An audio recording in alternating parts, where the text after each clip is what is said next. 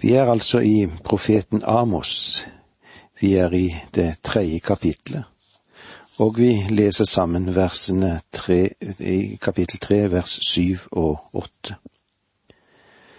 For Herren gjør ikke noe uten at han har åpenbart sitt råd for sine tjenere profetene. Når løven brøler, hvem må ikke da bli redd? Når Herren Gud har talt, hvem må ikke da profetere? Guds måte å gjøre tingene på er alltid at han først gir en advarsel. Han gir en advarsel om den kommende dom. Og det er det Amos gjør her selv, om folk i hans samtid stilte seg meget kritisk til ham. Folket da som nå vil ikke egentlig høre om dom. De vil heller stikke hodet i sanden som strutsen gjør. Det finnes også mennesker som ikke vil gå til legen fordi de er redd for å høre at det kan jo være noe galt med det. Mennesket vil ikke lytte til de smertefulle nyhetene om dom, den dommen som vil komme. Om du forkynner og lærer denne sannhet, så vil de samstemmig si at du er en pessimist. Du er en gledesdreper en som kaster dystre skygger. Men Gud, han følger prinsippet at hver virkning som finnes, er en årsak. Og Gud sender sin dom bare over det folk har som er i syndens verden, og at de vender ham ryggen. Gud gjør det også helt klart at profetene er pliktige til å forkynne hans budskap uansett hvordan det er. Faktisk bør en profet frykte om han holder tilbake noe av Guds budskap til folket. Og jeg må få lov å si at jeg frykter for de av oss predikanter som er så liberale at vi nekter å forkynne Guds budskap for et folk som gjerne liker å slikke honning, men som nekter å ta det en bitter medisin. Profeten, han sa det er noe dere bør være oppmerksom på å frykte. Når løven brøler, hvem må ikke da bli redde? Gud har talt. La oss nå forkynne det Gud har å si. La oss forkynne alle hans løfter. Forkynne om all den rikdom som finnes i forsoningen hos Gud, og i Gud, i Guds vei til oss mennesker. Men la oss heller ikke glemme at det egentlige problem som hindrer Gud i å velsigne, det er synden som finnes og sitter så dypt i menneskehjertet. Vers ni Rop ut over borgen i Ashtod, over sletten i Egypt, og si, Kom sammen på Samarias fjell. Se den store forvirring i byen, og undertrykkelsen der. Rop ut over borgene i Ashtod. Ashtod, det ligger i Filisterlandet. Der har nå Israel reist store bosetninger, utvidet og utviklet en god havn, og så er det bygget et oljeraffineri. Det finnes de som forkynner om profetiene som har henvist til fullbyrdelsen av visse tegn i Bibelen til det moderne Israel. Da oljeledningen nådde Haifa, nord i Israel, og oljeraffineriet var i funksjon og oljetankene lastet der, så var det en som sa at dette er fullbyrdelsen av den profeti Asher skal dyppe sin fot i olje. Men den oljeledningen ble stoppet, og den eneste olje som kom til Haifa, kom med tankskip. Nå er det en oljeledning som krysser Negev til Rødehavet, til Ashtod. Oljen pumpes fra tankbåtene til raffineriet. Så det ser egentlig ut til at det er Dans stamme som skal få dyppe sin fot i olje i dag. Denne profetien nevnes ikke lenger fordi en ser at den ikke kan tilpasses slik som de hadde forutsett. Personlig tror jeg at det er en rekke profetier som ennå ikke er modne for oppfyllelse. Men jeg ser at kulissen er i ferd med å komme opp på scenen. Ja, for å si det på den måten, da. Og det vil føre til at en fullbyrdelse av eh, profetiene, den kommer. Men det er tåpelig å plukke disse spesielle profetiene og hardnakket påstå at de er oppfylt i dag. Men eh, da Amos forkynte sin profeti, var Ashtod en fremstående by i Filistia, og står her, altså i dette spesielle verset, som representant for hele Filistia. Og så står det videre, over slottene i Egypt. Gud ba sine profeter om å spre dette ordet til palassene både i Ashtod og Egypt. Legg nå merke til hva denne innbydelsen gikk ut på. Kom sammen på Samarias fjell. Se den store forvirring i byen og undertrykkelsen der. Samaria var hovedstad i Nordriket, Israel, og eh, slottet til Akab og Jesabel befant seg der. Samaria var bygget på et fjell, men det var andre fjell som omga byen. Fra disse omkringliggende fjellene kunne folk se hva som hendte inne i byen. Synden, ja, den var i ferd med å utvikle et anarki. Den store forvirring var opptøyer forårsaket av undertrykkelse av de fattige. Om de hedenske folkegruppene i Filistia og Egypt fordømte Israel, ville da ikke en hellig Gud fordømme dem? Vers 10, kapittel 3 De har ikke vett til å gjøre det rette, lyder ordet fra Herren. De dynger opp vold og ran i sine slott. Samaria lagret i slottene det som de hadde stjålet og ranet fra folket. Vers 11 Derfor sier Herren Gud, fiender skal omringe landet. Din sterke festning skal rives ned, og borgene skal plyndres. I dag ligger palasset i Samaria i ruiner. Det er synlig for hvem som helst som reiser dit vers tolv. Så sier Herren, som når en gjeter redder ut av løvens skap to leggbein eller en øreflipp. Slik skal israelittene berges de som sitter i sofakroken i Somaria og på divaner i Damaskus. Etter at Guds dom hadde falt over Samaria, er det en rest som blir tilbake og ligner med en øreflipp eller et par leggbein som er tilbake av et lam etter at løven har fortært det. Her kan du merke deg at Guds dom er svært sterk fordi Samaria hadde lys fra himmelen, og det økte deres ansvar. Versene 13 og 14 Hør og vær vitne mot Jakobs ett, lyder ordet fra Herren Gud, allers Gud. Den dagen jeg krever Israel til regnskap for de synder de har gjort, lar jeg straffen komme over altrene i, i Betel. Da skal alterhornet hogges av og falle til jorden. Alteren i Betel henviser til tilbedelsen av gullkalven. Da skal alterhornet hogges av, og det betyr to ting. Først at Gud sier at han har til hensikt å fjerne denne rå avgudsdyrkelsen fra sitt land. Dernest er dette et billig uttrykk for at de horn som de fredløse kunne gripe tak i for å berge sitt liv om de flyktet dit, etter at de hadde begått et mord ved et mistak, ikke lenger var der.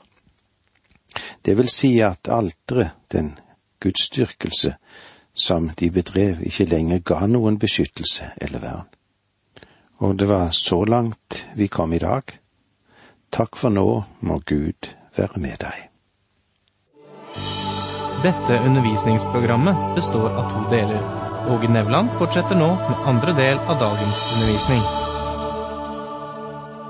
Vi er i profeten Amos, denne profeten som kommer fra et gjeterområde Han hadde et budskap å bringe, og hvor godt det er for oss alle sammen å vite at Gud velger ut den han ser er tjenlig for sin rikssak. Og nå er det altså Amos vi skal lytte til, og det han har å si oss. Vi leser sammen fra vers 13 og 14. Hør og vær vitne mot Jakobs ett, ordet fra Herren Gud, allhers Gud. Den dagen jeg krever Israel til regnskap for de synder de har gjort, lar jeg straffen komme over aldrene i Betel. Da skal alterhornet hogges av og falle til jorden. Altrene i Betel. Hva er det med det? Jo, dette henviser til tilbedelse av gullkalven. Da skal alterhornene hogges av, og dette betyr to ting. Først at Gud sier at han har til hensikt å fjerne den rå avgudsdyrkelsen fra sitt land. Og i et etterkant av dette så er det òg et billedlig uttrykk for at de horn som de fredløst kunne gripe tak i for å berge livet sitt, om de flyktet dit da, etter at de hadde begått et mord ved en, skal vi si, et mistak, det var der ikke lenger. Det vil si at alteret, den gudsdyrkelse som de bedrev, ikke lenger ga noen beskyttelse eller vern. Vi leser videre i det femtende verset her i Amos tre. Da vil jeg knuse både vinterhusene og sommerhusene. Elfenbenhusene blir ødelagt, og mange bygninger skal synke i grus, lyder ordet fra Herren. Elfenbenhusene blir ødelagt. Akab og Jesabel hadde bygget på toppen av Samarias fjell. Deres veldige palass lå aldeles nydelig til. Dette palasset dekker det vakreste partiet av hele fjellet. Fra slottet sitt kunne de se milevid i alle retninger. Mot vest så det Middelhavet på en klar dag. Mot øst, ja, der kunne de se Jordandalen. Mot nord, ja, der kunne de se Astralondalen, med Hermon i det fjerne. Mot syd, der kunne de se Jerusalem. Hvilken utsikt! Og eh, det var altså her de bygget et slott med nydelige intarsiararbeider av elfenben. Selvfølgelig tok fienden med seg det mest verdifulle av elfenbenet. Men utgravningene som fremdeles foregår, det har gitt rike resultater. De har funnet flere vakre kar av elfenben, blant annet. Det ene var en flakong som var brukt til parafyme. Vakre vinglass i elfenben er også funnet. Elfenben var selve hoveddekorasjonsmaterialet i dette slottet. Ja, om vi vil si det slik, da. Alle ting var laget av elfenben. Akab og Jesabel må ha hatt fantastiske kunsthåndverkere, og de kunne arbeidet sitt. De var dyktige både kunstnere og arbeidere. Det har vært et palass dette av høyeste luksusklasse. Men Gud sa at han ville ødelegge det og gjøre det ubeboelig. Og det er vanskelig å finne noe mer øde og forlatt enn ruinene i Samaria på toppen av fjellet. Gud har sannelig fullbyrdet den profetien. Og selv om det er vanskelig å ha det helt klart hvilke profetier som fullbyrdes nettopp nå, så vil jeg gjerne gjenta at scenen gjøres klar for oppfyllelse av de fremtidige profetier i dette området. Det var det vi hadde med oss ifra kapittel tre. Vi går nå over i kapittel fire. Og fra begynnelsen av i dette kapitlet har vi en serie på tre kapitler som spesielt tar for seg Israel, de ti stammene i Nordriket. I kapittel fire blir vi minnet om at Gud i fortiden tuktet Israel for ondskapen som de hadde. I kapittel fem vil vi se at fremtiden også kommer Israel til å bli tuktet for all sin ondskap. Og til sist, da, i kapittel seks, møter vi Amos der han appellerer til sin generasjon om å kvitte seg med sin ondskap. Så dere forstår at denne delen har en praktisk tilpasning som gjelder oss like mye nå i dag som Israel på Amos sin tid. Når Amos nå forsøker å kalle folket tilbake til Gud, så bruker han sarkasmer, bitende ironi, som virkelig skjærer dypt. Det vi òg skal legge merke til, er at katastrofer, det er en advarsel som Gud gir. Og her gir Amos oss noen bilder, han taler i bildet som han er kjent med fra yrket sitt. Gjeteren sammenligner de rike og mektige Samaria med Basans kyr, en rase som var kjent for sin styrke, og ikke bare styrke, men også staheten. De brøt seg gjennom hekker og trådte ned gjerdene, forvillet seg inn på naboens beitemerker og plaget mindre dyr. Dommerne, de kom på kollisjonskurs med herrene sine, de som undertrykte tjenerne sine. De var villige til å slå av på retten om de fikk en drink. De passet nøye på at det ble ofret og gitt tiende. Men hele religionssystemet, hvordan var det med det? Jo, det var råttent. Vi leser nå videre i kapittel fire fra vers én. Hør dette ord, dere basankyr dere som bor på Samarias fjell. Dere undertrykker småkårsfolk og knuser de fattige. Dere sier til mennene deres, kom med vin, så vi får drikke. Dere basankyr. Basan er et område øst for Jordan, mellom fjellet Gilead i syd og Hermonfjellet i nord. Dette området ble befolket av de tre stammene som blir værende på den andre siden av Jordan. Og det var en del av Nordriket, Israel.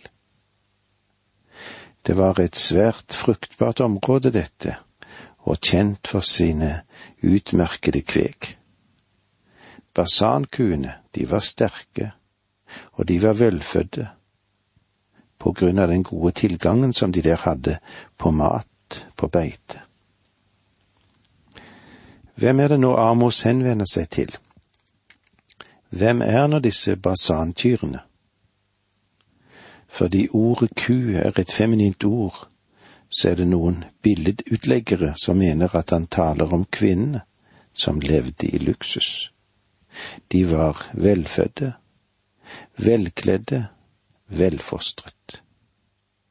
For å gjøre det mulig for disse å glede seg over sin rikdom, ble de fattige undertrykket. Faktisk så sier Amos her, dere undertrykker småkårsfolk og knuser de fattige. Generelt sett avslører en nasjon sin moralske status og sin økonomiske standard med den måten som kvinnene kler seg på.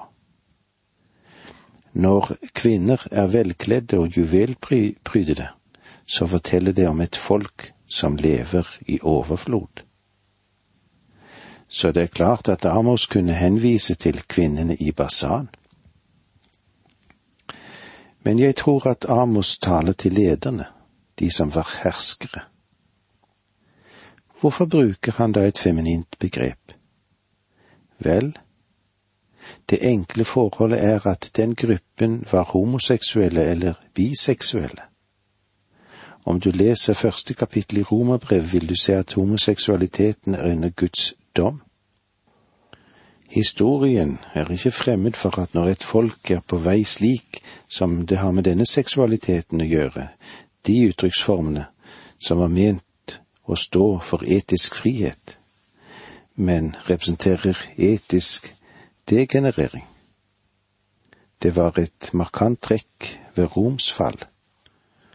Stadig mer perverse former for seksualitet ble dyrket i Neros store palass. Egne rom var reservert for de groveste former for seksualitet som avvik fra det du kan tenke deg. Vi har ikke kommet stort lenger i vårt århundre. Vi trenger en Amos å tale kraftig mot denne voksende aksept som seksuell persiviteter er i ferd med å nå inn i vårt eget folk, og det er alvorlige sider det vi berører nå. Vers to i kapittel fire i Amos, Herren Gud har sverget ved sin hellighet. Se, dager kommer over dere da dere skal slepes bort med haker, og de siste av dere med fiskkroker. Med disse ordene må vi si takk for nå. Må Gud være med deg.